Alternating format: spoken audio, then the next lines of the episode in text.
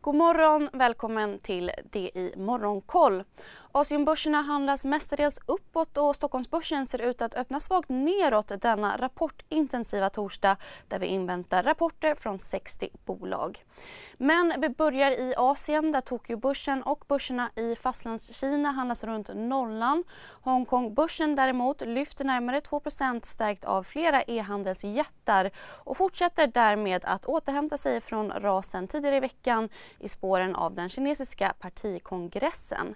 Alibaba stärks 5,5% och JD.com 8,5 I Sydkorea lyfter Kospi-index 1,5% Landets BNP ökade mer än väntat med drygt 3% i det tredje kvartalet mätt mot förra året. Det var eh, något mer än ökningen i det andra kvartalet. Techjätten Samsung stiger svagt efter att ha rapporterat ett minskat resultat för första gången på nära tre år. Resultatet minskade drygt 30% i årstakt. I USA stängde börserna neråt igår. Breda S&P 500 och tekniktunga Nasdaq backade inför rapporter från fangbolagen Apple och Amazon idag. Flera techbolag har redan rapporterat en avmattning på annonsmarknaden och Facebooks ägarbolag Meta rasade 20% i efterhanden efter att ha rapporterat sämre vinst än väntat och svaga utsikter för det fjärde kvartalet.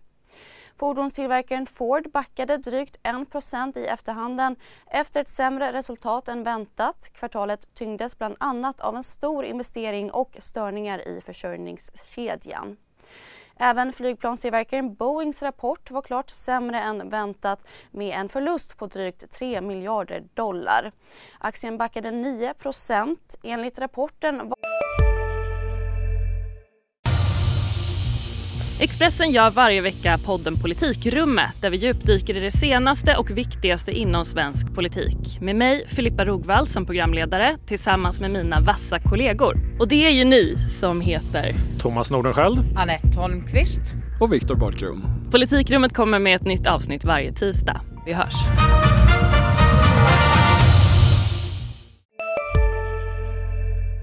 Var det kostnader för vapenutveckling som tyngde kvartalet. Även en beställning av Air Force One-flygplan från tidigare presidenten Donald Trump tyngde kvartalet med en miljard dollar.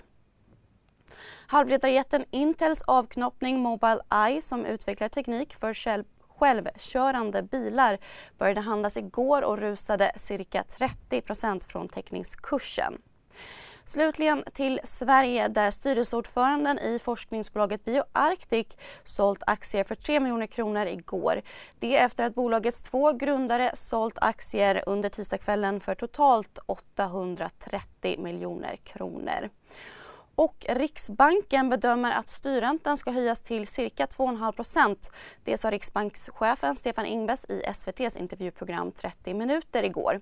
På tal om det så har vi även europeiskt räntebesked på agendan idag där ECB väntas dra upp styrräntan med 75 punkter till 2% Men utöver det är det fortsatt fullt fokus på rapporter. Vi får bland annat den fjärde och sista storbanksrapporten från Swedbank. De tre tidigare bankerna har samtliga Nordea slagit analytikernas förväntningar. Swedbank väntas minska resultatet i det tredje kvartalet med 7% i årstakt. Räntonettot väntas dock ha ökat liksom hos de andra bankerna. Analytiker tror på en ökning om 12% mot förra året. Även Essity och Volvo Cars samt de kurspressade storbolagen SBB och Evolution öppnar böckerna. Det återstår frågor om fastighetsjätten SBBs kostnader. Det efter bolagets flera försäljningar under året. Hyresintäkter Intäkter och förvaltningsresultat väntas dock ha ökat i kvartalet. Och mer om dem hör ni precis som vanligt med analyser och vd-intervjuer i Rapport morgon som sätter igång klockan sju.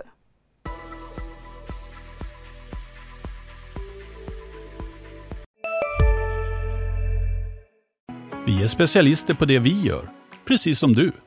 Därför försäkrar vi på Swedea bara småföretag, som ditt.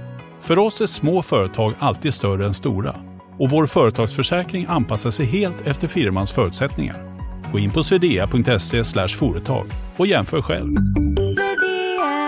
Hej, Synoptik här. Hos oss får du hjälp med att ta hand om din ögonhälsa. Med vår synundersökning kan vi upptäcka både synförändringar och tecken på vanliga ögonsjukdomar. Boka tid på synoptik.se.